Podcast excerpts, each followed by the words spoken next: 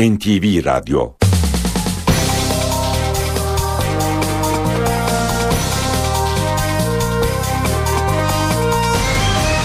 İşe Giderken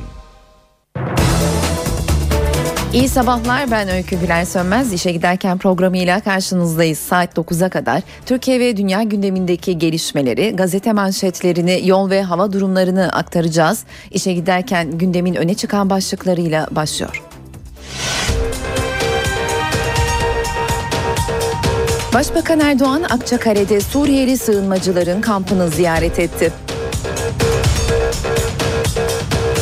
MHP Genel Başkanı Devlet Bahçeli yasa dışı dinlemelere karşı mecliste komisyon kurulmasını önerdi. Yarından itibaren motorlu taşıtlar vergisi, pasaport, ehliyet ve trafik cezaları %7,8 oranında artacak. Yılbaşı öncesi İstanbul ve İzmir'de 3500 şişe sahte içki ele geçirildi. Almanya Başbakanı Merkel yeni yıl öncesi ekonomi konusunda Alman vatandaşlarını uyardı. Amerikan Dışişleri Bakanı Hillary Clinton dün akşam hastaneye kaldırıldı.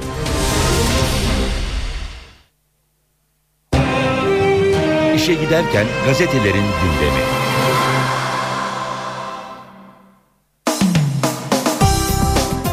İşe giderken gazetelerin birinci sayfalarından haberler aktaracağımız basın turuyla devam ediyor. Milliyet gazetesiyle başlayalım tura. Milliyet'in manşetine taşıdığı haberin başlığı MIT raporundaki Çiller örgütü. Erbakan'ın talimatıyla hazırlanan 1996 tarihli raporda CIA ve Mossad'la bağlantılı olduğu öne sürülen 700 üyeli Çiller özel örgütünün şeması var diyor. Manşetteki haber hemen altında ise er, Başbakan Erdoğan'ın fotoğrafı ile birlikte Ey Esat hadi defol başlığı göze çarpıyor. Başbakan Erdoğan Şanlıurfa'da açılışlarına katıldıktan sonra Akçakale'deki Suriyelilerin kampını ziyaret etti. Türkiye'nin daima Suriye halkının yanında olacağını söyleyen Erdoğan, dünyada yüzü aşkın ülke Ulusal Koalisyon lideri El Hatib'in liderliğini kabul etti. Bu ne demek? Ey Esad biz seni artık tanımıyoruz. Hadi defol demektir denmiş Erdoğan Erdoğan'ın açıklamasından alıntı yapılarak en iyi 500 üniversiteye ODTÜ damgası başlığı göze çarpıyor. Yine Milliyet'in ilk sayfasında 2012'de dünyada 8 kuruluşun hazırladığı en iyi dünya üniversiteleri listesinin karşılaştırmalı raporu yayımlandı. ODTÜ 8 listeden 5'ine girerek en başarılı Türk üniversitesi oldu. Hürriyet gazetesiyle devam ediyoruz günün haberi olarak belirlediği manşet haberinin başlığı masada takvim var ifadesini taşıyor. İmralı ile yürütülen ve ana gündem maddesi PKK'nın silah bırakması olan temaslarda bir takvim belirlendi. Hedef 2013 yılının ilk aylarında kamuoyu karşısına bir çözüm bildirisiyle çıkmak denmiş. Manşet haberinin ayrıntısında yine altında Başbakan Erdoğan'ın fotoğrafı artık o hal yok her şey olağan başlığıyla yer buluyor. Şanlıurfa'nın Viranşehir ilçesinde düzenlenen toplu açılış törenine katılan olan Erdoğan, Doğu ve Güneydoğu Anadolu'da son 10 yılda yaşanan değişim için artık o hal yok her şey olağan ifadesini kullandı. Yüksek faiz ve kira gelirine ek vergi başlıklı haberle devam edelim. Maliye Bakanı Mehmet Şimşek'ten yeni verginin ipucu faiz, temettü ve kira gibi araçlardan elde edilecek yıllık gelirler belirlenecek sınır aştığında gelir vergisine tabi tutulacak. Sabah gazetesi var sırada. Töre cinayeti gibi intihar başlığı göze çarpıyor manşette. Başka birine aşık olan Aycan'ı kaçırıp evliliğe zorlayan enişteyle oğlu intihara sebep olma suçundan tutuklandı. Çalışmak için iki yıl önce iki kardeşiyle Bitlis'ten İstanbul'a gelen Aycan yüzü güldü. Tekstil atölyesinde işe girdi. Bir çalışana aşık olan genç kız sevgilisi askere gidince terhisi beklemeye başladı. Halasının gelinliğiyle evlilik provası bile yapmıştı.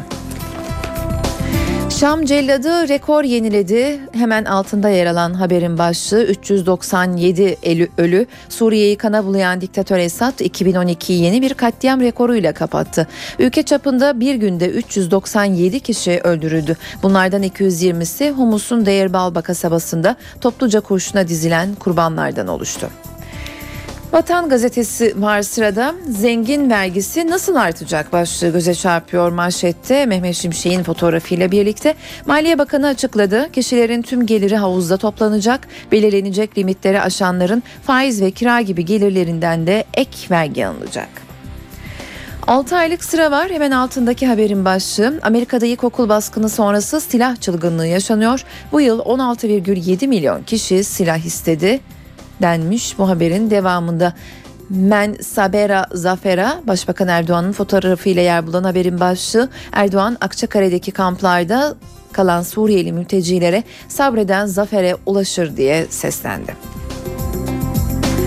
Cumhuriyet gazetesi var sırada Türkiye kirlendi diyor manşetinde Cumhuriyet. 79 ilde hava kirliliği var. İstanbul, Ankara ve İzmir başı çekiyor. Türkiye'nin çevre kirliliği haritası kalitesiz kömür dağıtımının neden olduğu vahim tabloyu bir kez daha ortaya koydu. 33 ilde birincil öncelikli çevre sorunu hava kirliliği. 81 ilden yalnızca iki tanesinde hava kirliliği yaşanmıyor.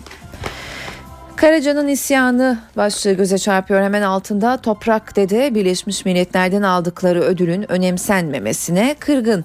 Tema Vakfı Onursal Başkanı Hayrettin Karaca Birleşmiş Milletler ödülü alan temanın basında yeteri kadar yer bulmadığını bu nedenle basına kırgın olduğunu söylüyor diyor. Haberin ayrıntısı hemen yanında yer bulan haberin başlığı ise eğitimin payı 10 yılda 3'te 1'e düştü.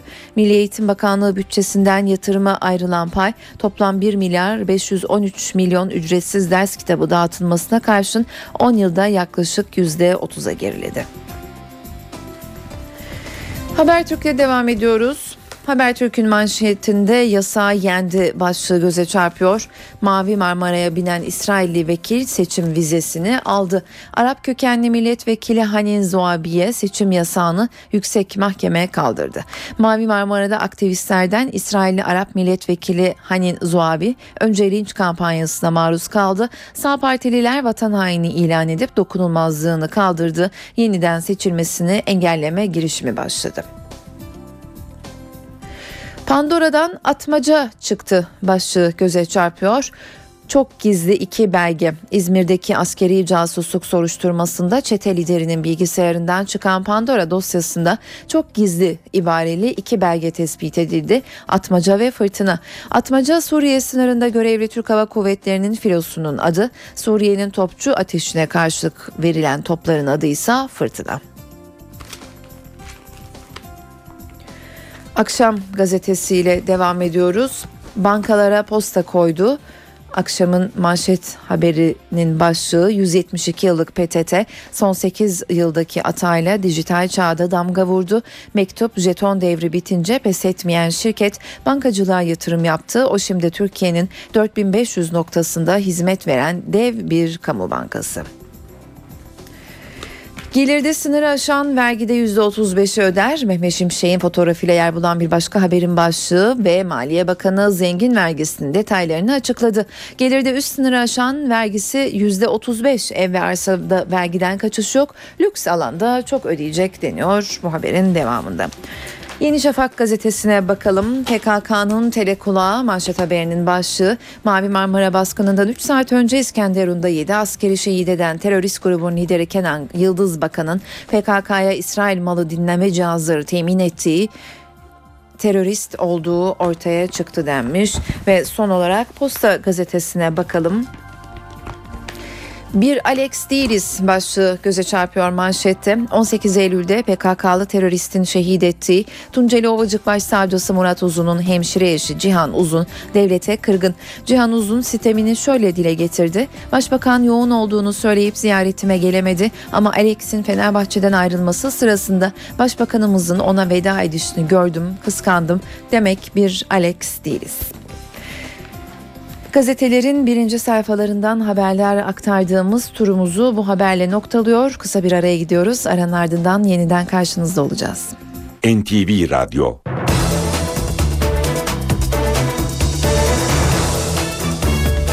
Saatler 7.15'i gösteriyor. İşe giderken günün öne çıkan gelişmeleriyle devam ediyor.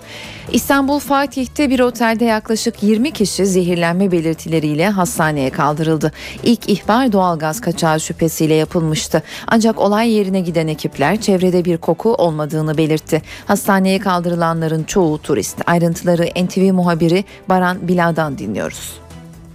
Fatih'te Sultanahmet'e oldukça yakın bir otelde olay gerçekleşti ve bu bölge turistlerin sıklıkla tercih ettiği bir bölge ve bu otelde de çoğu Rus ve Japon olmak üzere pek çok turist kalıyordu. 20'den fazla 30'a yakın turist kalıyordu ve sabah karşı bir zehirlenme bilgisi ekiplere ulaştı. Olay yerine çok sayıda polis ekibi ve sağlık ekibi sevk edildi. Olay yerine gelen ekipler içeri girdiklerinde pek çok kişinin zehirlendiğini belirlediler ee, ve kusma şikayetleriyle, baş dönmesi şikayetleriyle karşılaştılar. Hatta bilincinin kapalı olan e, rahatsızlananlar arasında bilinci kapalı olanlar da vardı. E, ilk belirlemelere göre doğalgaz şüphesiyle bu kişiler zehirlenmişti. Ancak bir iddiaya göre e, alkol veya gıda zehirlenmesinden de söz ediliyordu. Ancak e, yapılan araştırmalarda doğalgazdan bu kişinin zehirlenmiş olabileceği ihtimali daha da kuvvetlenmiş görünüyor. İlk e, Olayın ardından ilk yaralılar e, daha doğrusu rahatsızlananlar, zehirlenenler dışarı çıkarıldığı zaman ambulanslar öncelikle yetişmekte güçlük çektiler. Çünkü pek çok kişi vardı. Pek çok kişi dışarı çıkarılmıştı. Dolayısıyla çevre otelden, otellerdeki çalışanlar da e, ve çevre sakinleri de bu kişilere yardımcı olmak için deyim yerindeyse seferber oldular. Pek çok kişi çevre hastanelere kaldırıldı ve burada tedavilerine devam ediliyor. Olayla ilgili daha ayrıntılı e, rapor, daha kesin bilgi ise olay yeri inceleme tutanağının e, raporun tamamlanmasıyla birlikte ortaya çıkacak. Gelişmeleri biz de takip etmeyi sürdüreceğiz. İşe giderken Başbakan Erdoğan dün Şanlıurfa ziyaretinde Akçakale'de ve Suriyeli sığınmacıların kaldığı çadır kentte konuşma yaptı. Başbakan Suriye'de kutlu bir doğumun sancıları yaşanıyor dedi. Kürsüde yanındaki Suriyeli muhalif lider Ahmet Muaz El Hatebi işaret eden başbakan Beşar Esad'a yüzü aşkın ülke bu kardeşimizin liderliğini kabul etmiş. Bu vaziyette sen de halkın sesine kulak ver dedi. Her kutlu doğum sancılıdır. Şu anda Suriye bir kutlu doğuma hazırlanıyor. Bu ise tüm Suriye halkının iradesinin iktidar olmasıdır. Başbakan Recep Tayyip Erdoğan bu mesajı Suriye sınırının yakınında Akçakale Süleymanşah Çadır kentinde yaptığı konuşmada verdi. Halkın iktidarının yakın olduğunu söyledi. Esad'a zalim Beşar diye seslendi. Zalim Beşar 50 bine yakın Suriyeli kardeşimizi biliyoruz ki şehit etti. Aynı olayı Hamada Humus'ta babası yapmıştı. Bu ise babasını geçti.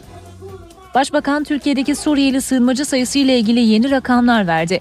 Şu ana kadar bizim bu kamplarımızda yaklaşık 150 bin Suriyeli kardeşimiz bulunuyor.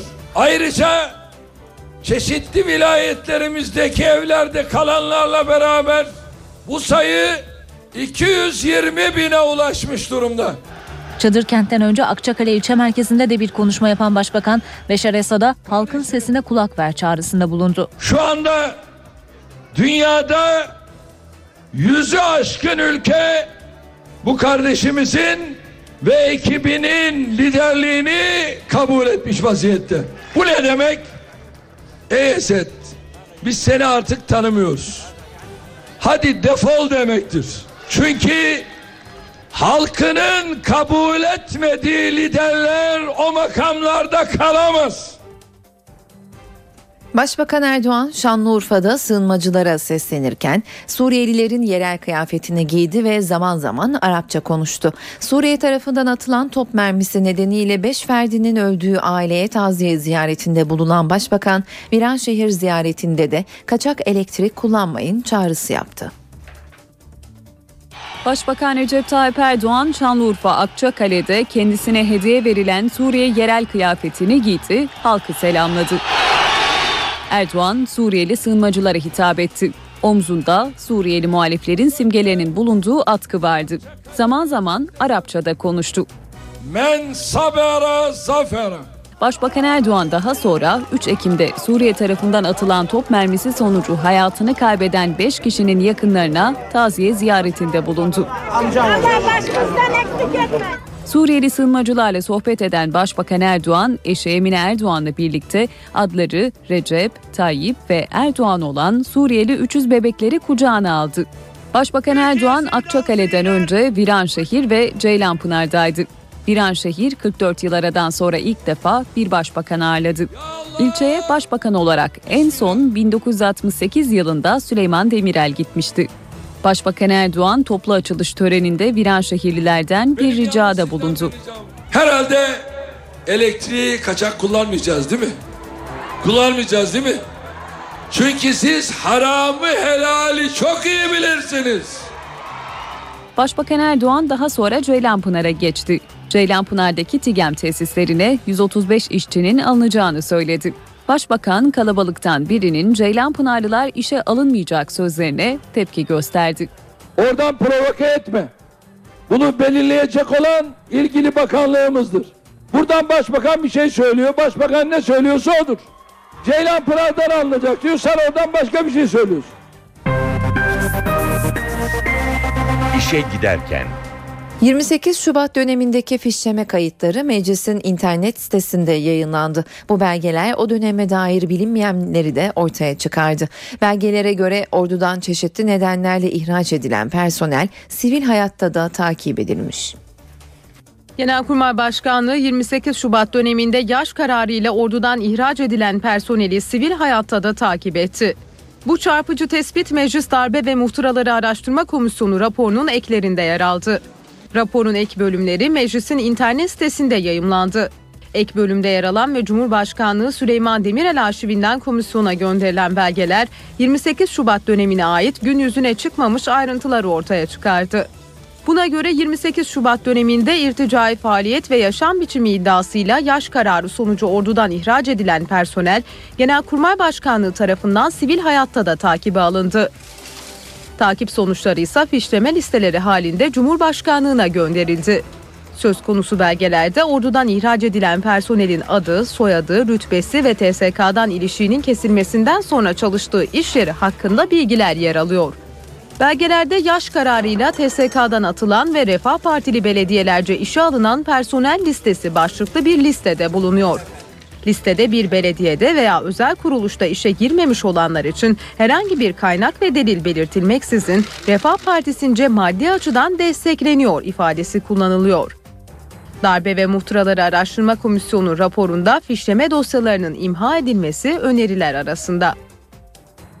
Başbakan Yardımcısı Bekir Bozdağ anayasa değişmese bile 2014 yılında yapılacak Cumhurbaşkanı seçiminde otomatik olarak yarı başkanlık sistemine geçireceğini söyledi. Bozdağ muhalefete arabanın nereye gittiği belli gelin tedbirimizi alalım diye seslendi. Eğer Türkiye yeni anayasayı hayata geçirmezse, geçiremezse mevcut anayasayla Cumhurbaşkanlığı seçimi yapılır ve mevcut anayasadaki yetkileri Cumhurbaşkanı e, kullanacak olursa otomatik olarak Türkiye fiilen bir yarı başkanlık sistemine geçme durumuyla karşı karşıya kalacak. Onun için biz diyoruz ki fiili durum olmasın. Gelin bu işin adını doğru dürüst koyalım. Bu işin çalışmasını doğru dürüst yapalım. Arabanın nereye gittiğini biz görüyoruz. Yok bu araba oraya gitmiyor demenin de bir anlamı yok. Oraya gidiyor bu araba. Gelin ona göre tedbirlerimizi alalım diyoruz. Mevcut parlamenter sistemdeki Cumhurbaşkanı yetkileri çok fazla. Halkın seçtiği Cumhurbaşkanı bu yetkileri kullandığında çok farklı bir yapı ortaya çıkacaktır. Sistem Cumhurbaşkanı aktif olmaya zorlayacak. İkinci defa seçilebilme imkanının olması da Cumhurbaşkanını daha aktif hareket etmeye zorlayacaktır.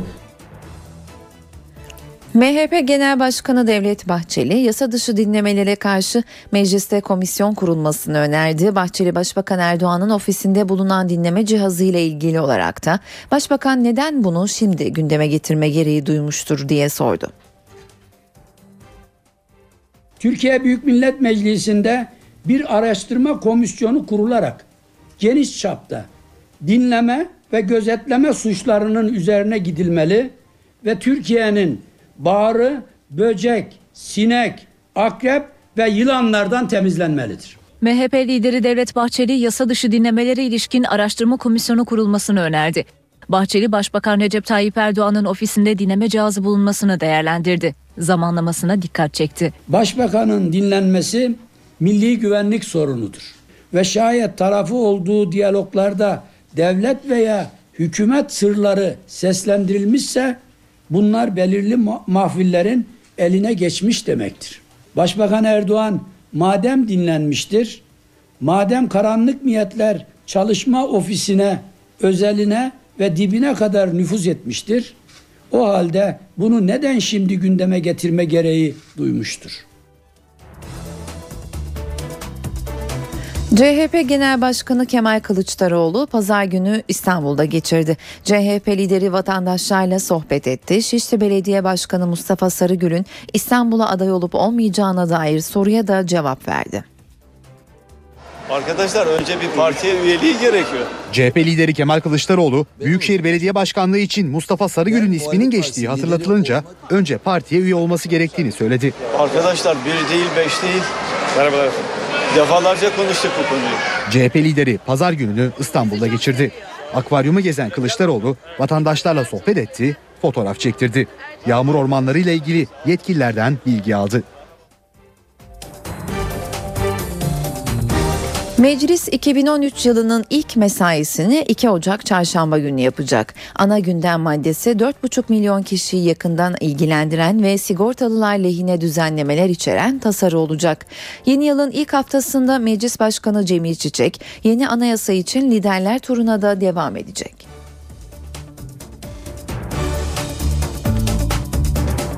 Türkiye Büyük Millet Meclisi 10 günlük aranın ardından yeni yıla yoğun bir gündemle başlayacak. 2 Ocak çarşamba günü mesaiye başlayacak Meclis Genel Kurulu'nda bu hafta prim borçlarını yeniden yapılandıran sigortalı lehine düzenlemeler içeren ve 4,4 milyon vatandaşı ilgilendiren yasa tasarısı ele alınacak.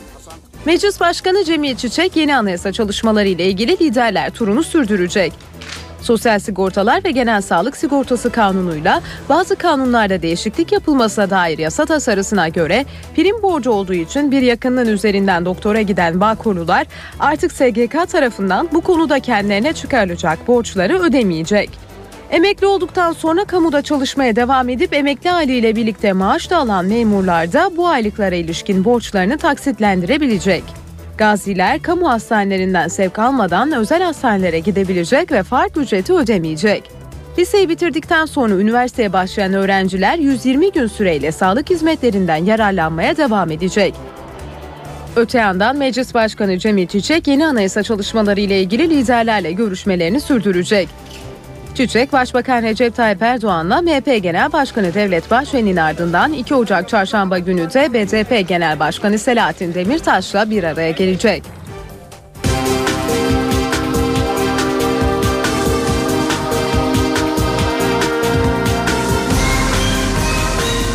İşe giderken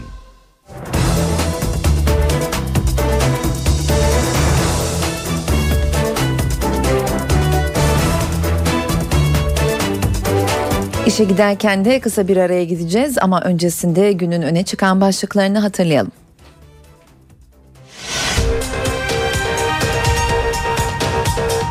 Başbakan Erdoğan Akçakale'de Suriyeli sığınmacıların kampını ziyaret etti.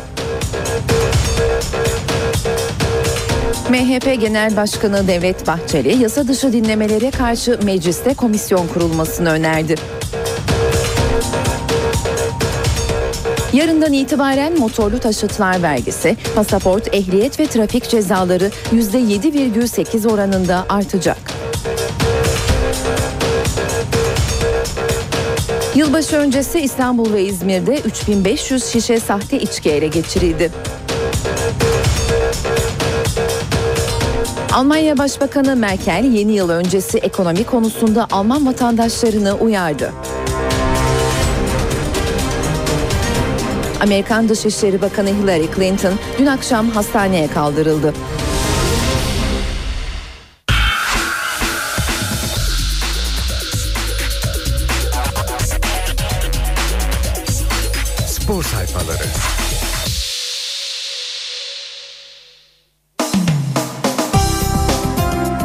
Saatler 7.36'yı gösteriyor. İşe giderken gazetelerin spor sayfalarından ve eklerinden haberler aktaracağımız basın turuyla devam ediyor. Milliyet gazetesiyle başlayalım turumuza. Diego için formül diyor başlık. Kaka ve transferlerinin zora girmesi üzerine rotayı Brezilyalı yıldıza çeviren Galatasaray'ın Wolfsburg'daki kiralık formülünü sunacağı öğrenildi. Sarı Kırmızılılar Diego'ya yarım sezon için 3 milyon euro ödeyecek. Ayrılık vakti başlığı göze çarpıyor Milliyet'in bir başka sayfasında Trabzonspor Teknik Direktörü Şenol Güneş Antalya kampında önce zihinsel dinlenme yapacaklarını belirtti. Önümüzdeki kısa süreyi iyi değerlendirmek istiyoruz. Kampa katılsalar da aramızdan giden oyuncular olacak. Şartlara bakarak kararımızı vereceğiz. Olimpiyat ateşi hemen yanında yer bulan haberin başlığı Londra'da düzenlenen 2012 yaz olimpiyatları yıla damgasını vurdu. Amerika ve Çin'in madalya yarışı nefesleri keserken dev organizasyonda 33 dünya 78 olimpiyat olmak üzere 111 rekor kırıldı. Banvit'in 8. harikası çarpıcı bir başlık. Beko Basketbol Ligi'nde iki şampiyonluk adayı Bandırma'da karşı karşıya geldi. Evindeki 8. maçından da galip ayrılarak zirveye bir adım daha yaklaşan Banvit, Galatasaray Medical Park'a son 5 haftadaki 3. yenilgisini tattırdı. 74-67 lig skoru hatırlatıyor haber. Haber Türk Spor'la devam edelim. Birinci sayfasında Al ver başlığını kullanıyor. Siyah beyazlılar devre arasında Türkiye'den bir takımla anlaşması halinde 5 milyon euro bonservis maddesi koydurduğu Q7'ye karşı Hakan Balta ve Yekta'yı istiyor. Cimbom ise Yekta'nın yerine Ceyhun'u öneriyor. Takas dışında da alternatif plan var. Aslan para olarak 3,5 milyon euro teklif ediyor. Kartal ise 5 milyon euro da diretiyor. Devam ediyoruz Habertürk Spor'un iç sayfalarından haberler aktarmaya. Kuarezma için takas formülleri. Beşiktaş Galatasaray ile Portekizli Yıldız için sıcak temasta. Siyah beyazlılar devre arası Türkiye'de başka bir takıma giderse 5 milyon euro öder maddesi var. Kuarezma'ya karşılık Hakan Balta ve Yekta'yı istedi. Galatasaray yönetimi ise Hakan Balta'yı kabul etti. Yekta için olmaz dedi. Onun yerine Ceyhun'u önerdi. Son kararı ise Samet Aybaba verecek denmiş. Bu haberin ayrıntısında 2012'nin paşası başlıklı haberle devam edelim. Kasımpaşa hem sportif hem de kurumsal açıdan müthiş bir yılı geride bıraktı. 2012'de Süper Lig'e yükselen kadrosunu yıldızlarla takviye eden lacivert beyazlılar kurumsal açıdan da geleceğe yönelik dev adım attı. Trabzonspor cephesinden bir haber değişim sinyali başlığıyla yer bulmuş. Teknik direktörlükten CEO'luğa terfi etmesi beklenen Şenol Güneş, yardımcı antrenörlüğe dönen Ünal Karaman için benim adıma her şeyi yapmaya yetkilidir dedi. Akşam idmanına çıkmadı. Dünya rekoru başlıklı haber var sırada. Galatasaray Daiki'nin Top Volley turnuvasında Volero'yu 3-1 yenerken oynadığı ve 48-46 kazandığı 51 dakikalık ilk set dünyanın en uzun setlerinden biri olarak tarihe geçti. Hemen yan sayfada yer bulan haberin başlığı ise Galatasaray çakıldı. Sarı Kırmızılılar ligin iddialı ekibi Banvit'e Chuck Davis'in 17 sayıyla parladığı maçta kaybetti. Üst üste 3. deplasmandan da eli boş dönüp 4. sıraya indi. Devam ediyoruz gazetelerin spor sayfalarından haberler aktarmaya Hürriyet gazetesi var sırada aktaracağımız ilk haber Kaya'nın yanına toprak başlığını taşıyor. Leverkusen ve milli takımın stoperi Ömer Fatih Terim'in transfer listesinde bir numara. Galatasaray savunmasını iki gence emanet etme planları yapıyor. Semih Kaya ve Ömer Toprak'ın hem yerli hem yaşlıların genç oluşunun önemli bir avantaj olarak gören Terim'in isteği doğrultusunda Sarı Kırmızılı yönetim 4 milyon euroluk bonservis teklifi hazırladı.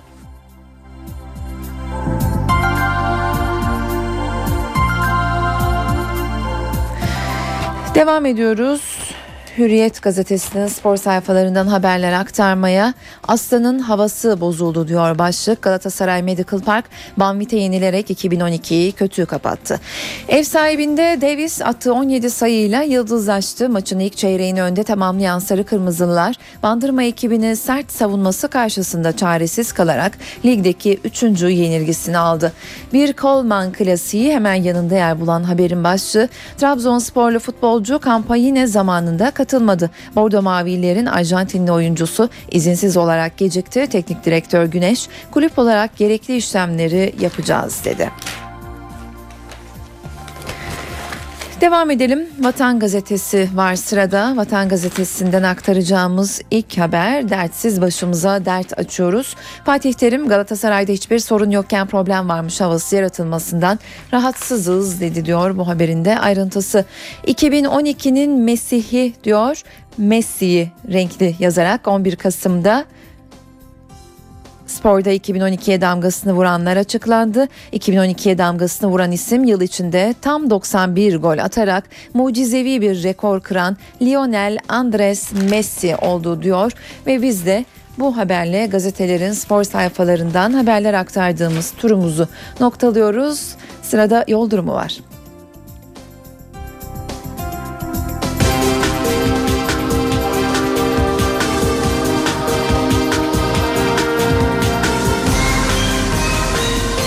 İşe giderken İstanbul trafiğindeki son durumu aktaralım kısaca. Köprülere bakalım önce. Boğaziçi Köprüsü'nde Avrupa girişinde trafik yoğun seyrediyor. Aynı yoğunluk Anadolu yakasından girişte Altunizade tarafında özellikle görülüyor. Fatih Sultan Mehmet Köprüsü'nde ise trafik akıcı seyrediyor. Yalnız hemen belirtelim D100 Şirinevler Çoban Çeşme yönünde yolda kalan bir araç sebebiyle trafikte aksamalar yaşanıyor.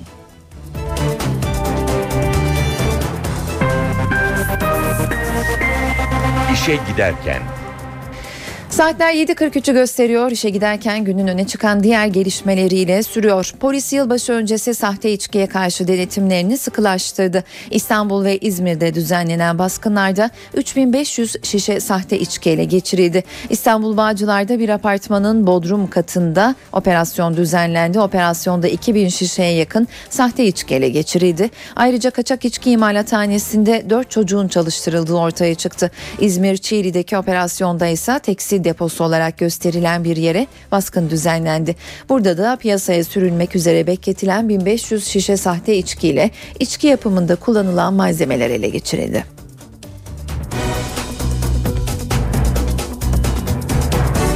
Bugün 2012 yılının son günü. Yeni yıl gündelik hayatımıza birçok yenilik getirecek. Sağlıktan sosyal güvenliğe, cebimize girecek paradan geleceğimiz için ayıracağımız tasarrufa kadar birçok değişiklik bizi bekliyor. İşte 1 Ocak'tan sonra yaşanacak değişiklikler.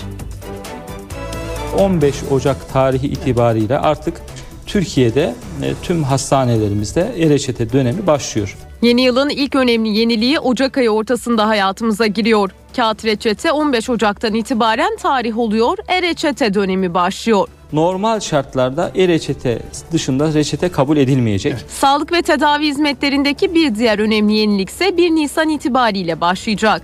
Avuç içi damar okuma sistemi 2013'te uygulamaya girecek. 1 Nisan'dan itibaren hastaneye gidenler avuç içi taramasıyla kendilerini sisteme tanıtacak. Türkiye iş sağlığı ve güvenliği konusunda da 2013 başından itibaren yeni bir yasayla tanışacak. İş yerleri için iş kazası meslek hastalığı ihtimalleri, kullanılan malzeme ve araç gereçlerle beden emeği kullanımına bakılarak 980 ayrı kod oluşturuldu. İş yerleri tehlike durumuna göre iş yeri hekimi ve iş güvenliği uzmanı çalıştıracak. Yeni yılda asgari ücret %4,1 oranında zamla 774 lira olacak. Milyonlarca çalışanı ilgilendiren her ay maaşlara eklenen asgari geçim indirimi de 73 lira 40 kuruş olacak. Memur maaşlarına ise Ocak'ta %3 zam yapılacak. Bireysel emeklilik sisteminde de yeni yılda yenilikler var. Yılbaşı itibariyle sisteme dahil olan herkese devlet ödediği tutarın %25'i kadar katkı sağlayacak. Örneğin ayda 100 lira ödeyerek bireysel emeklilik poliçesi yaptıranlar sistemde en az 3 yıl kalmak şartıyla 25 lirada devlet katkısı alacak. Yeni yıl bazı vergi, harç ve cezalarda artışla birlikte geliyor. Motorlu taşıtlar vergisi, pasaport, ehliyet ve trafik cezaları yılbaşından itibaren %7,8 oranında artacak. Emlak vergisi artışı ise Bakanlar Kurulu değiştirme yetkisini kullanmazsa %4 civarında olacak. İşte yeni vergi ve harç listesi. Motorlu taşıtlar, emlak ve damga vergileri, pasaport, ehliyet, mahkeme harçları ve trafik cezaları. Yeni yılla birlikte hepsi artacak. Artış oranı Ekim sonu itibariyle oluşan üretici fiyatları endeksinin 12 aylık ortalama artışına göre belirleniyor. Oran 2013 için %7,8. Emlak vergisi hariç tüm vergi, harç ve cezalar 2013'te %7,8 artacak. Emlak vergisi ise bu oranın yarısı kadar yani %3,9 oranında artacak. Buna göre 2013'te 1-3 yaş arasında ve motor gücü 1301 ile 1600 cm3 arasında olan otomobiller için motorlu taşıtlar vergisi 60 lira civarında artacak ve 768,5 liradan 828 liraya çıkacak. Motor gücü 1600'ün üstünde olan araçların vergisi 105 lira artışla 1457 liraya yükselecek. 4000 motorun üstündeki lüks araçların motorlu taşıtlar vergisi ise 1361 lira artışla 17.443 liradan 18.804 liraya çıkacak. 6 aylık pasaport harcı 80 liradan 86 lira 77 kuruşa yükselecek. Pasaport harcı 1 yıl için 127 lira olacak. Ehliyet harçları ise sınıfına göre 104 lirayla 521,5 lira arasında uygulanacak. Kırmızı ışıkta geçme ve hız sınırını aşmanın cezası 154,5 liradan 166,5 liraya yükselecek. Alkollü araç kullananlarsa 701 lira ceza ödeyecek. Alkollü olarak ikinci kez yakalanan sürücülerin cezası ise 877 lira olacak. Silah taşıma ruhsatı 580 lira, bulundurma ruhsatı ise 927 lira olacak. Amerika Birleşik Devletleri'nde gündem yarın başlayacak vergi artışları ve bütçe kesintileri. Konu hem ülke hem de dünya ekonomisini ilgilendiren bir sorun olmayı sürdürüyor. Demokratlar ve Cumhuriyetçiler gece yarısına kadar uzlaşmak zorunda ancak ortada bir uzlaşı işareti yok. Başkan Barack Obama konuyla ilgili olarak Cumhuriyetçileri suçladı ve zenginleri koruyorlar dedi. Amerika Birleşik Devletleri'nde zamana karşı yarış var. Harcama kesintileri ve vergi artışlarının otomatik olarak devreye girmesinin engellenebilmesi için kongrenin yıl sonuna kadar anlaşmaya varması gerekiyor. Ancak demokratlar ve cumhuriyetçiler uzlaşıdan uzak görünüyor. Başkan Barack Obama ise ülke ekonomisinin mali uçuruma düşmesini engellemek için öne sürdüğü anlaşmayı kabul etmeleri amacıyla cumhuriyetçilere baskıyı artırıyor. Konuyla ilgili cumhuriyetçileri suçlayan Obama uzlaşı olmazsa piyasalar olumsuz etkilenir dedi. Cumhuriyetçiler tek öncelikleri varlıklı Amerikalıları korumakmış gibi hareket ediyor. Onlar için bu her şeyden önemli gibi. Eğer tüketici harcamaları durursa tabii ki bunun piyasalara olumsuz etkileri olacaktır. Anlaşma sağlanamaması durumunda Amerikalıların ödemesi gereken vergiler artacak. Bunun Amerika'daki tüketim seviyesini etkileyerek ülke ekonomisini yavaşlatması, sonrasında da küresel ekonominin zarar görmesinden endişe ediliyor. Cumhuriyetçiler ve demokratlar 2011 yılının sonunda krize bir çözüm bulmaya çalışmış. Bu başarısız olunca sorunu 2012 sonuna atan geçici bir anlaşmaya imza atmıştı. Geçtiğimiz haftalarda mide rahatsızlığı nedeniyle bayılan ve bu esnada başını çarparak beyin sarsıntısı geçiren Amerikan Dışişleri Bakanı Hillary Clinton hastaneye kaldırıldı.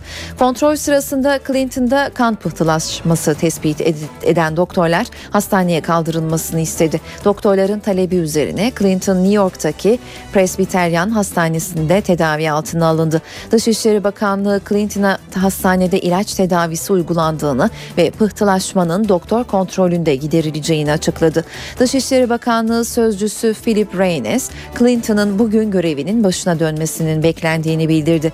Barack Obama'nın başkanlığının ilk döneminde Dışişleri Bakanlığı görevini üstlenen Clinton, ikinci dönem için oluşturulacak kabinede yer almayacak.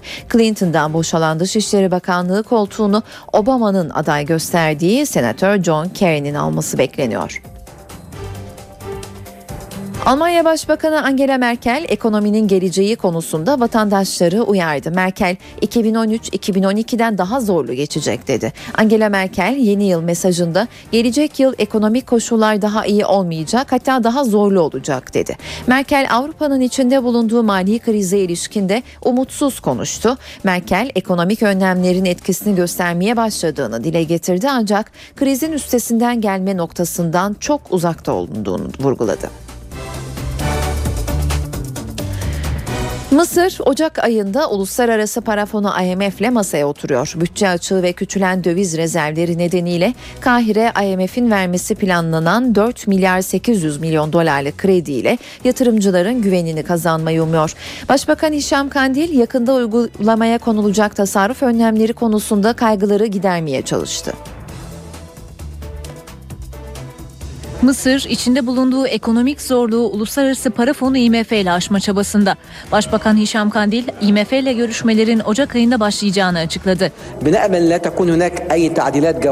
Ocak'ta IMF'yi görüşmeye davet ettik. Bu yüzden umarım IMF ile planımıza herhangi bir önemli değişiklik olmaz. Görüşmelerde kredi konusunu ele alacağız. Ekonominin zor ve kritik bir durumda olduğunu söyleyen Kandil ancak iflasın söz konusu olmadığını belirtti. IMF'nin güven oylamasına ihtiyacımız var diyen Kandil, 4 milyon 800 milyon dolarlık kredi miktarının küçük olduğunu ancak bunun yatırımcının Mısır ekonomisine güvenini sağlamak için çok önemli olduğunu kaydetti. Mısır Merkez Bankası da yaptığı açıklamada döviz rezervinin kritik seviyede olduğunu duyurdu.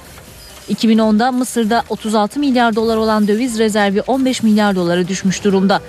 Mısır geçen Kasım ayında 4 milyar 800 milyon dolarlık kredi için IMF ile ön anlaşmaya varmıştı.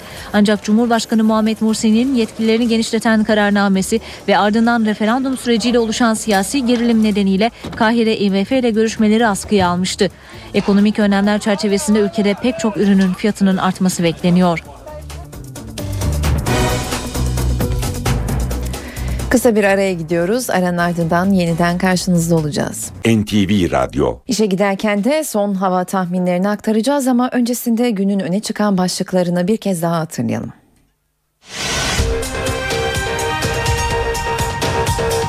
Başbakan Erdoğan Akçakale'de Suriyeli sığınmacıların kampını ziyaret etti. MHP Genel Başkanı Devlet Bahçeli yasa dışı dinlemelere karşı mecliste komisyon kurulmasını önerdi. Yarından itibaren motorlu taşıtlar vergisi, pasaport, ehliyet ve trafik cezaları %7,8 oranında artacak.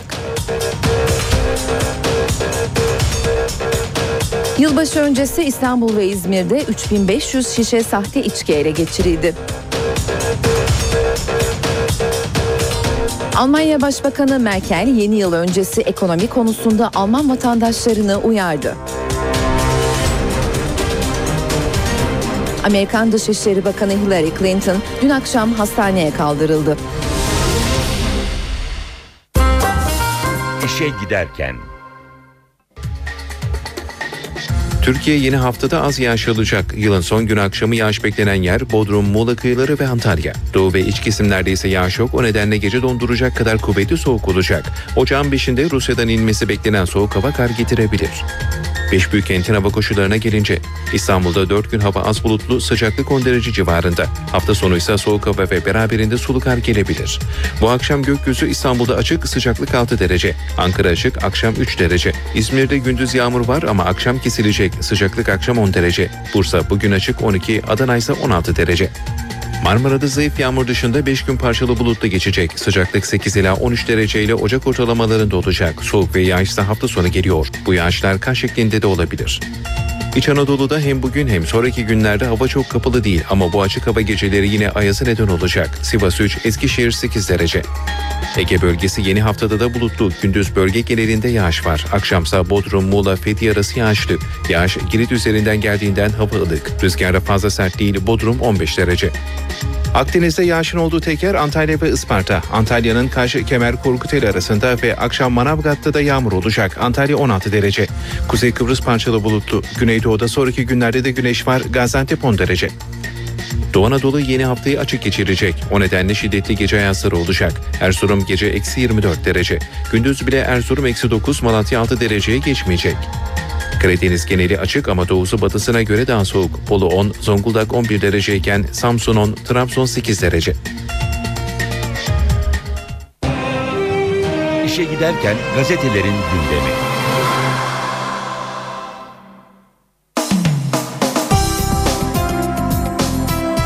İşe giderken gazetelerin birinci sayfalarından haberler aktaracağımız basın turuyla devam ediyor. Milliyet gazetesiyle başlayalım turumuza. Manşetinde MIT raporundaki Çiller örgütü başlığı göze çarpıyor. Erbakan'ın talimatıyla hazırlanan 1996 tarihli raporda CIA ve Mossad'la bağlantılı olduğu öne sürülen 700 üyeli Çiller Özel Örgütü'nün şeması var denmiş haberin ayrıntısında. Hemen altında Başbakan Erdoğan'ın fotoğrafı E Esat hadi defol başlığıyla yer bulmuş. Başbakan Erdoğan Şanlıurfa'da açılışlara katıldıktan sonra Akçakale'de Suriyelilerin kamplarını ziyaret etti. Türkiye'nin daima Suriye halkının yanında olacağını söyleyen Erdoğan, dünyada yüzü aşkın ülke ulusal koalisyon lideri El Hatib'in liderliğini kabul etti. Ey Esad biz seni artık tanımıyoruz hadi defol git demektir bu denmiş. Erdoğan'ın açıklamasından alıntı yapılarak en iyi 500 üniversiteye ODTÜ damgası başlıklı haberle devam edelim. 2012'de dünyada 8 kuruluşun hazırladığı en iyi dünya üniversiteleri listesinin karşılaştırmalı raporu yayımlandı. ODTÜ 8 listeden 5'ine girerek en başarılı Türk üniversitesi olurken İstanbul, Hacettepe, Ankara, Ege İTÜ, Bilkent, Gazi, Boğaziçi ve Koç da ilk 500'e girdi. Devam ediyoruz. Hürriyet gazetesi var sırada.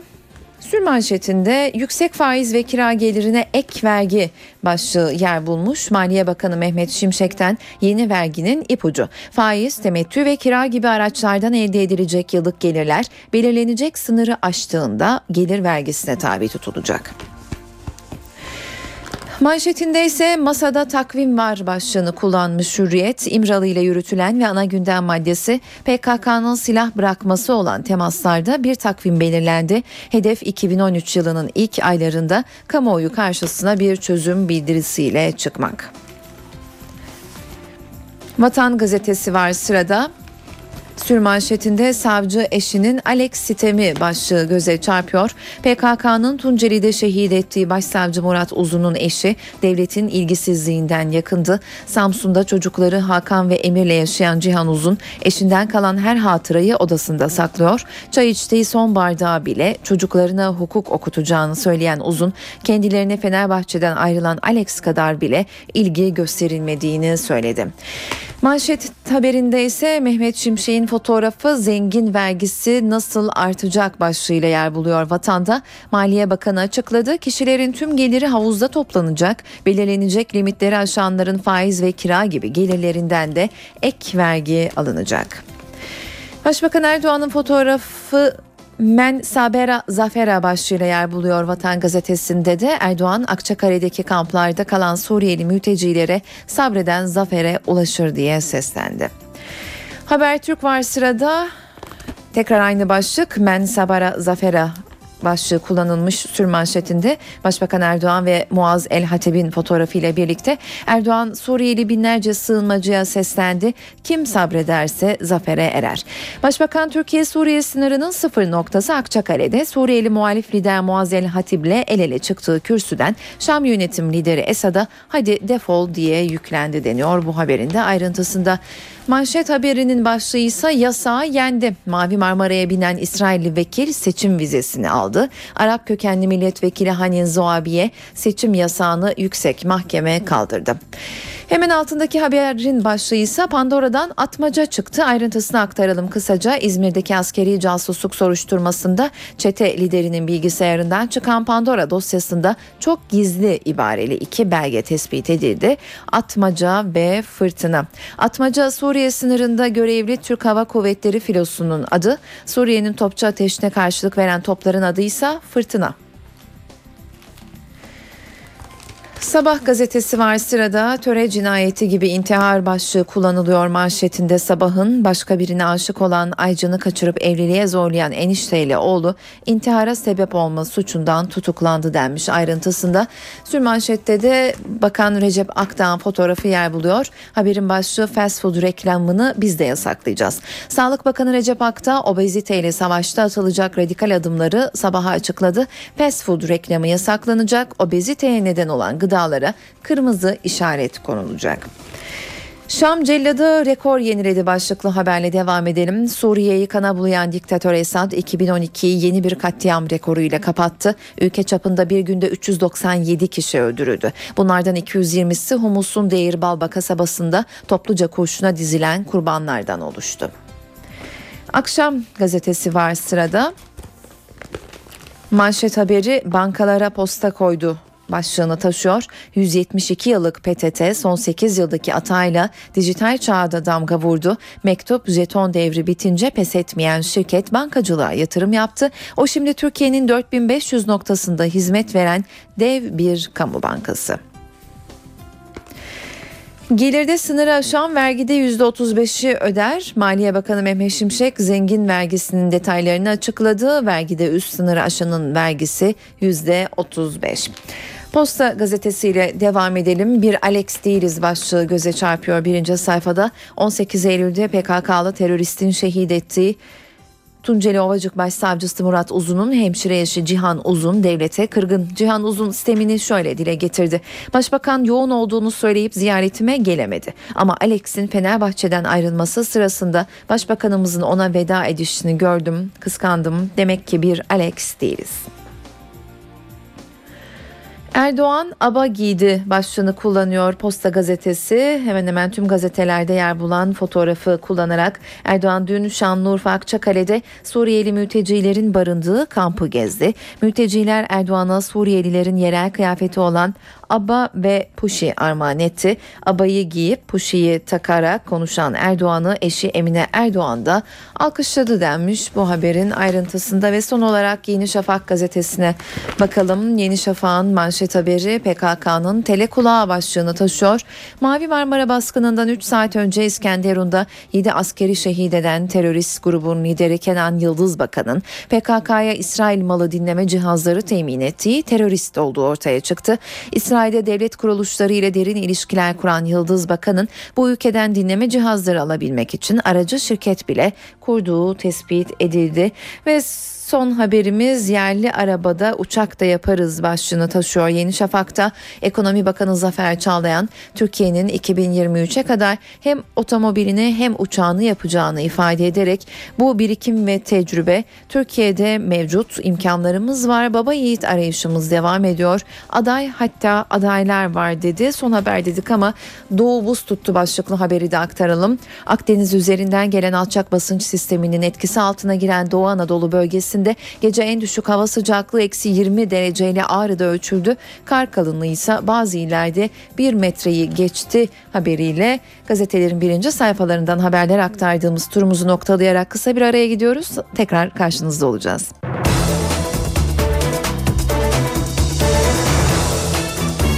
Saatler 8.16'yı gösteriyor. İşe giderken de günün öne çıkan diğer gelişmelerini aktarmayı sürdürüyoruz.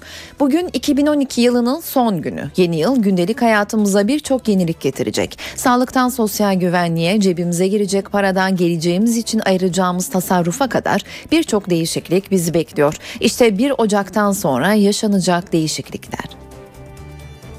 15 Ocak tarihi itibariyle artık Türkiye'de e, tüm hastanelerimizde e-reçete dönemi başlıyor. Yeni yılın ilk önemli yeniliği Ocak ayı ortasında hayatımıza giriyor. Kağıt reçete 15 Ocak'tan itibaren tarih oluyor, e-reçete dönemi başlıyor. Normal şartlarda e-reçete dışında reçete kabul edilmeyecek. Evet. Sağlık ve tedavi hizmetlerindeki bir diğer önemli yenilik ise 1 Nisan itibariyle başlayacak. Avuç içi damar okuma sistemi 2013'te uygulamaya girecek. 1 Nisan'dan itibaren hastaneye gidenler avuç içi taramasıyla kendilerini sisteme tanıtacak. Türkiye iş sağlığı ve güvenliği konusunda da 2013 başından itibaren yeni bir yasayla tanışacak. İş yerleri için iş kazası meslek hastalığı ihtimalleri, kullanılan malzeme ve araç gereçlerle beden emeği kullanımına bakılarak 980 ayrı kod oluşturuldu.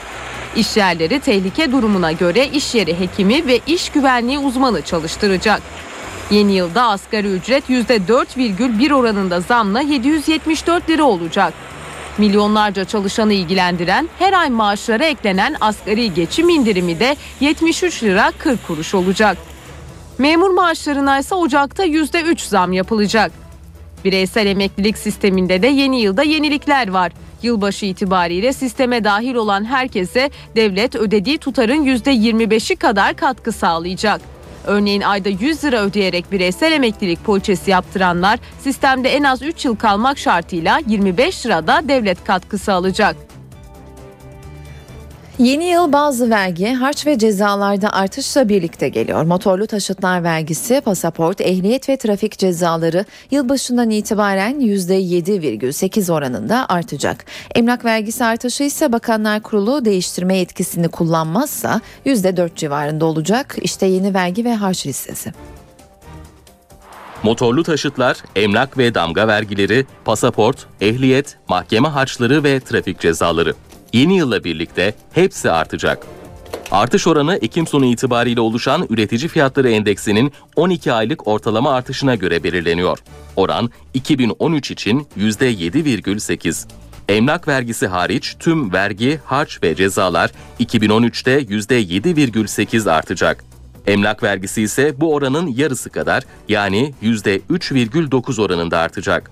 Buna göre 2013'te 1-3 yaş arasında ve motor gücü 1301 ile 1600 cm3 arasında olan otomobiller için motorlu taşıtlar vergisi 60 lira civarında artacak ve 768,5 liradan 828 liraya çıkacak. Motor gücü 1600'ün üstünde olan araçların vergisi 105 lira artışla 1457 liraya yükselecek.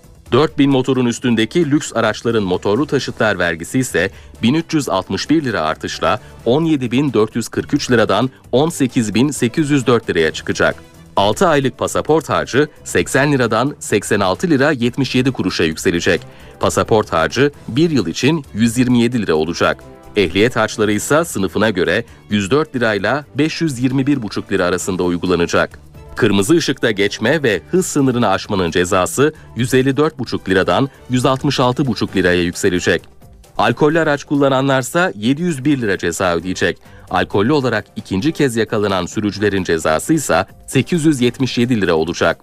Silah taşıma ruhsatı 580 lira, bulundurma ruhsatı ise 927 lira olacak. Meclis 2013 yılının ilk mesaisini 2 Ocak çarşamba günü yapacak. Ana gündem maddesi 4,5 milyon kişiyi yakından ilgilendiren ve sigortalılar lehine düzenlemeler içeren tasarı olacak. Yeni yılın ilk haftasında Meclis Başkanı Cemil Çiçek yeni anayasa için liderler turuna da devam edecek.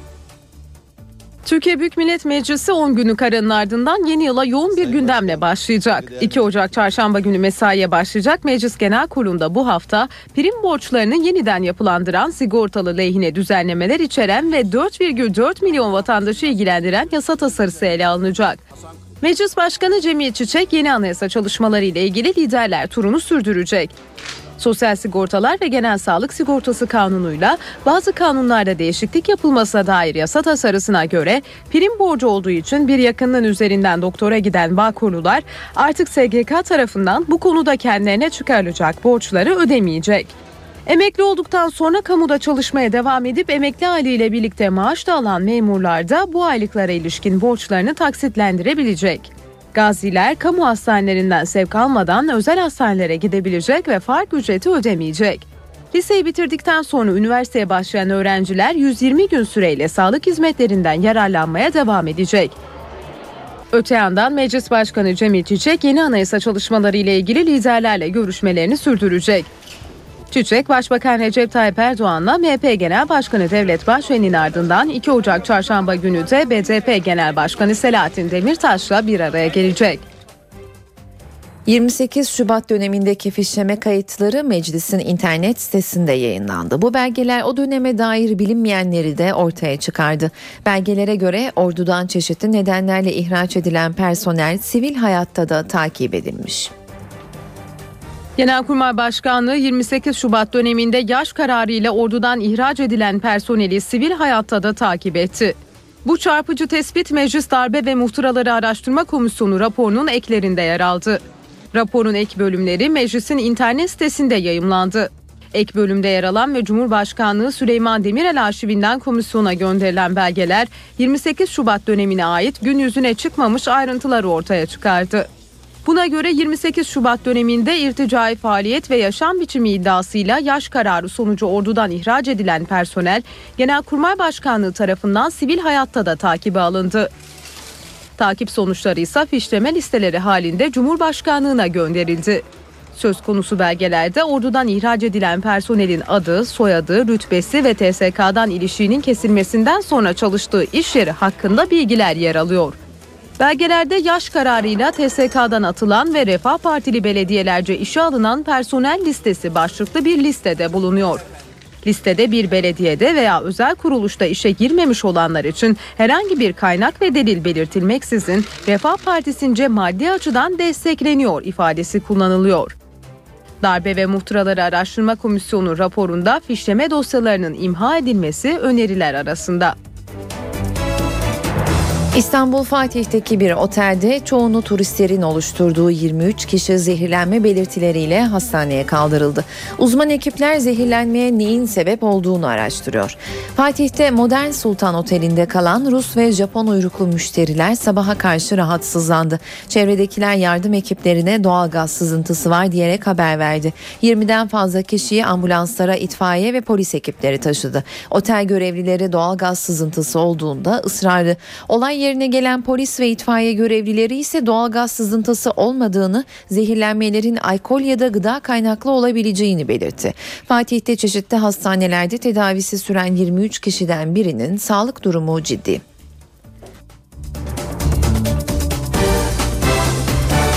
Akaryakıtta yerli katkı dönemi başlıyor. 1 Ocak 2013 yani gelecek salı itibariyle benzin türlerine yerli tarım ürünlerinden etanolün harmanlanması uygulaması resmen başlayacak.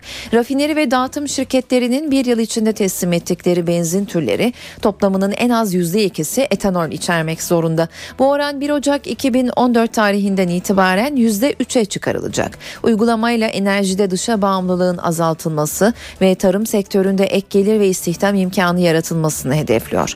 Etanol harmanlanmasının cari açığın azaltılmasıyla yaklaşık 40 milyon dolarlık katkı sağlaması bekleniyor.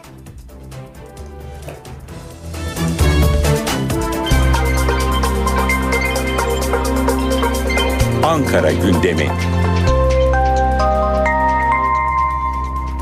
Sırada başkent gündemi var. Ankara gündeminin ayrıntılarını NTV muhabiri Didem Tuncay'dan dinliyoruz. Cumhurbaşkanı Abdullah Gül ve Başbakan Recep Tayyip Erdoğan bugün İstanbul'dalar. Başbakan Erdoğan Kuzey Kıbrıs Türk Cumhuriyeti Başbakanı İrsen Küçük'le görüşecek. Dün Türkiye'ye sığınan Suriyelileri kaldıkları çadır kentte ziyaret etmişti Başbakan. Beşar Esad'a çağrıda bulundu. Halkın sesine kulak ver dedi. Bu çağrının yankıları ve Suriye'deki gelişmeler bugün de takip edilecek. Başbakan Erdoğan'ın ofisinde bulunan dinleme cihazı ile ilgili tartışmalar sürüyor. Bunu da hemen belirtelim. Ekonomiye geçelim. TÜİK 2012 yılı bitkisel üretim verileriyle 2010-2011 dönemi yaygın eğitim faaliyetleri araştırmasını açıklayacak bugün. Hazine Müsteşarlığından da bir açıklama gelecek. Borç yönetim raporuyla kitler ve özelleştirme kapsamındaki kuruluşların borç, zarar ve istihdam verilerini açıklayacak Hazine Müsteşarlığı. Gözler bu akşam saat 22'den itibaren ise Milli Piyango'da olacak. Milli Piyango İdaresi 2013 yılbaşı özel çekilişini Milli Eğitim Bakanlığı Şura Salonu'nda gerçekleştirecek. Çekiliş 24 yıl aradan sonra ilk defa bütün basın kuruluşlarına açık olacak. Toplam ikramiye 242 milyon lira toplam dağıtılacak olan ikramiye miktarı gündemden öne çıkan başlıklar böyle. Sırada yol durumu var. İstanbul trafiğindeki son duruma bakalım. Boğaziçi Köprüsü'nde trafikte yoğunluktan söz edebiliriz. Avrupa girişi Zincirlikuyu istikametinde trafik yoğun seyrediyor. Avrupa çıkışı Mecidiyeköy istikametinde ise trafik akıcı. Boğaziçi Köprüsü'ne bakalım. Asya girişi Altunizade'de trafikte hafif bir yoğunluk göze çarpıyor. Samatya Yedikule e, yönünde de az önce bir kaza meydana geldi. Meydana gelen zincirleme trafik kazası sebebiyle bir şerit trafiğe kapalı.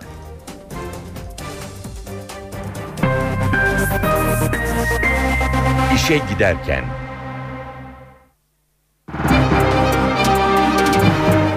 Para ve sermaye piyasalarının cuma günü haftayı nasıl kapattığını hatırlayalım kısaca. İMKB 100 endeksi günlük bazda 124 puan artışla %0,16 oranında değer kazandı.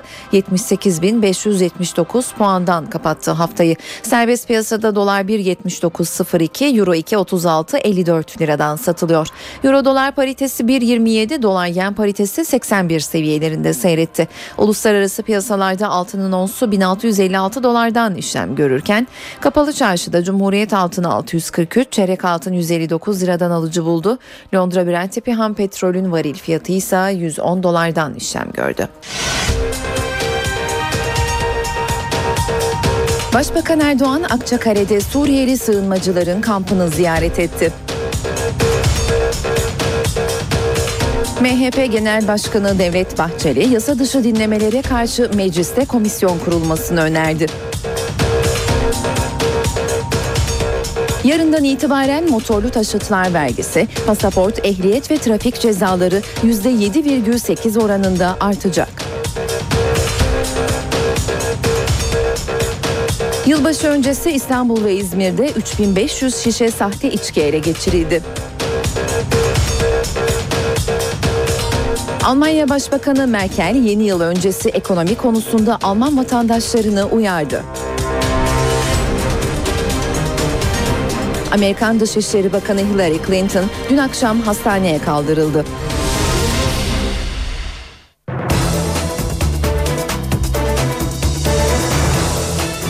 Saatler 8.35'i gönderiyor, gösteriyor. İşe giderken günün öne çıkan diğer gelişmeleriyle devam ediyor. Tunceli Üniversitesi'nde Japon bir antropolog Alevilik dersi veriyor. Öğrencilerin gözde hocalarından olan yardımcı doçent doktor Hiroki Wakamatsu, Alevilik Uygulama ve Araştırma Merkezi'nin de müdür yardımcısı. Wakamatsu çalışmalarının da etkisiyle Alevi bir Müslüman olduğunu söylüyor. Bu eski Japonların Tunceli'de bir Japon antropolog. Üstelik çalışma alanı Alevi uygulama ve araştırmaları.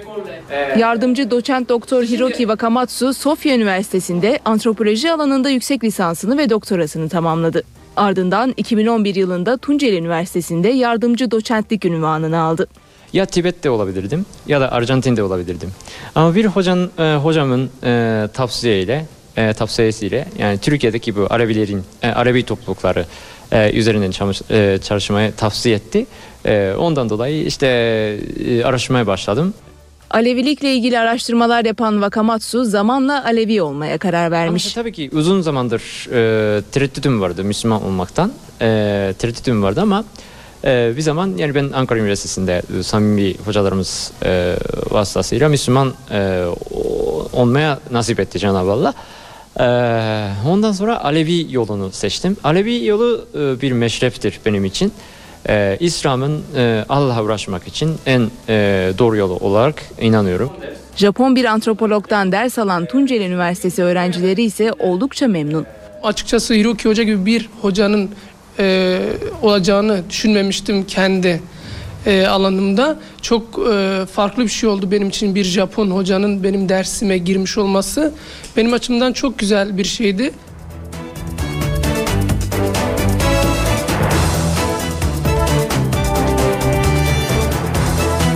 Öğrencilerinin muhasebe derslerini bile zevkli kılan, papyonunu hiç çıkarmayan hocası Boğaziçi Üniversitesi öğretim üyesi Arman Manukyan 81 yaşında hayata veda etti. Ünlü hoca 16 binden fazla öğrenciye ders vermişti. Büyük bir süratle geçmiş. Bana sorsanız 50 gün gibi geliyor bana. Öğrenciler bilhassa mezun olan öğrenciler geliyorlar diyorlar ki hocam 4 sene ne kadar çabuk geçti ya 5 sene ne kadar çabuk geçti. Hayat böyle çabuk mu geçer? Evet hayat böyle çabuk geçer. Arman Manukyan, Boğaziçi Üniversitesi'nin papyonunu hiç çıkarmayan efsane hocası. Bir süredir Cerrahpaşa Tıp Fakültesi Kardiyoloji bölümünde tedavi gören Arman Manukyan, 81 yaşında hayatını kaybetti. Manukyan 1956 yılında sokakta karşılaştığı bir arkadaşının ısrarıyla Boğaziçi Üniversitesi'ndeki görevine başladı. Öğrencilere muhasebeyi sevdiren hoca olarak tanındı. Ardında aralarında 50 yıldan uzun bir süre muhasebe dersine giren 16 bin öğrencinin de bulunduğu büyük bir aile bıraktı. Öğrencileri arasında tanınan isimler de var. Tansu Çiller, Güler Sabancı, Suna Kıraç, Cem Boyner bu isimlerden bazıları. Hayat da bir F cetvelidir. Ben hepinizi bu F cetvelinin sol tarafına, değerli varlıklar tarafına kaydettim. Arman Manukyan için 3 Ocak Perşembe günü saat 13'te Beyoğlu'ndaki 3 Horan Kilisesi'nde tören düzenlenecek. Son olarak BBC Türkçe servisinin gözünden İngiltere basınında öne çıkan gelişmelere bakalım. İngiltere'de gazeteler bugün Hindistan'da toplu tecavüze uğradıktan sonra ölen tıp öğrencisi kadını, Amerika Birleşik Devletleri'nin mali uçurumunu ve İngiltere'nin Avrupa Birliği üyeliğini ele alıyor. Independent gazetesi ana sayfasını Hindistan'ın başkenti Yeni Delhi'de toplu tecavüze uğradıktan sonra hayatını kaybeden 23 yaşındaki tıp öğrencisine adamış. Cenazesi kaldırıldığı sırada ülke çapında yapılan anma törenlerinden birinden bir fotoğrafı basan gazete, kurbanın dini bir cenaze töreninde yakıldığını, Hint halkında hala oldukça öfkeli olduğunu yazıyor. Aynı şekilde ön sayfasına bir başka anma töreninden fotoğraf basan Times, Hindistan'da politikacıların tecavüz suçları için yeni kanunlar önermeye hazırlandığını belirtiyor. Times bu yeni önergeler arasında tecavüzden suçu bulunan kişilerin kimyasallarla kısırlaştırılması olduğunu aktarıyor. Hintli tıp öğrencisinin başına gelenlerden yola çıkan Guardian ise cenaze törenini ele almaktansa Birleşmiş Milletler Genel Sekreterinin konuyla ilgili açıklamasını ön sayfasına taşımış. Ban Ki-moon'un her bir kadının korunması ve saygı gösterilmesi yönünde Hindistan'a çağrı yaptığını yazan gazete, Genel Sekreterin ayrıca bu tür suçların işlenmesine karşı caydırıcı önlemlerin arttırılması gerektiğini söylediğini belirtiyor. Financial Times'ın manşetten duyurduğu haber, Amerika Birleşik Devletleri'nin düşmesine saatler kalan mali uçurum. Basıldığı sırada hala görünürde bir çözümü olmayan mali uçurum hakkında Financial Times, demokratların ve cumhuriyetçilerin çözümsüzlük konusunda birbirlerini suçladığını yazıyor. Gazete, Senato'daki demokrat ve cumhuriyetçi liderlerin görüşmelerin olumsuz serinden bahsettiklerini ama tarafların gün içine bir çözüm bulunması için yeniden masaya oturmaktan kaçmayacaklarını söylediklerini aktarıyor. Financial Times, Cumhuriyetçilerden Mitch McConnell'ın görüş ayrılıklarının tek bir konuda olmadığını söylediğini, Demokratlardan Harry Reid'in de Cumhuriyetçilerin emeklilik maaşı ve sosyal yardımlar hakkında isteklerini acı bir reçeteye benzettiğini yazıyor. Times gazetesi manşetten duyurduğu haberde Avrupa Birliği üyeliği sürekli tartışılan İngiltere'ye Brüksel'deki siyasetçilerin ikinci sınıf olarak nitelediği bir tür üyelik sunacağını iddia ediyor. Gazete, siyasetçilerin kısmi üye olarak tanımladıkları bu yeni üyelik biçimi sayesinde İngiltere'nin Avrupa'nın ortak pazarında kalabileceğini ama Avrupa Parlamentosu milletvekilleri ve Avrupa Konseyi'ndeki veto hakkını kaybedeceğini aktarıyor. Times gazetesi Brüksel'de İngiltere konusunda ne yapmalı tartışmalarının hararetlendiği bir dönemde Avrupa Federalistler Birliği'nin ilkbaharda kendi AB anlaşmasını basacağını yazıyor. Independent gazetesi ön sayfasında yazdığı haberde gazetenin yaptığı kamuoyu araştırmasına göre İngiliz halkının ülkelerinin Suriye'deki muhaliflere askeri yardımda bulunmaması gerektiğine inandığını aktarıyor. Gazete, Başbakan David Cameron'ın Suriye lideri Beşar Esad'a karşı savaşan muhaliflere silah yardımı yapılması doğrultusunda AB liderlerinin aklını çelmeye çalıştığı bir sırada İngiliz halkını bu konuda ikna etmesinin zor olacağını belirtiyor. İngiltere'de yılbaşı kutlamaları konusunda yapılan bir araştırmayı aktaran Telegraph gazetesi, ekonomik krizden dolayı bu sene halkın çoğunluğunun yılbaşı gecesi evde kalacağını belirtiyor. Gazete hesaplamalara göre pek çok kişinin yeni yıla girmeden ortalama 10.38'de yatacağını, geçen sene de benzer bir şekilde cep telefonları üzerinden gönderilen yeni yıl mesajlarının gece yarısından sonra değil, yeni yıla girmeden akşam 7.02'de en yoğun seviyede olduğunu aktarıyor. Böylece işe giderken programının sonuna geldik. Ben Öykü Güler Sönmez saat başında haber bülteniyle yeniden karşınızda olacağız. NTV Radyo